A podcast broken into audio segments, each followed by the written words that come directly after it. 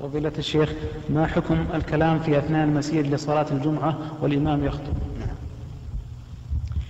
آه، الكلام والإمام يخطب حرام. لا يجوز.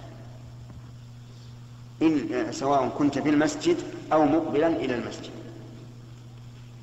إلا إذا كنت تريد أن تصلي مع مع شخص آخر.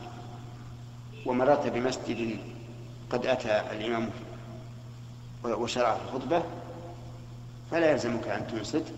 لأنك لا تقصد هذا المسجد. حتى وإن كان ليس بواضح.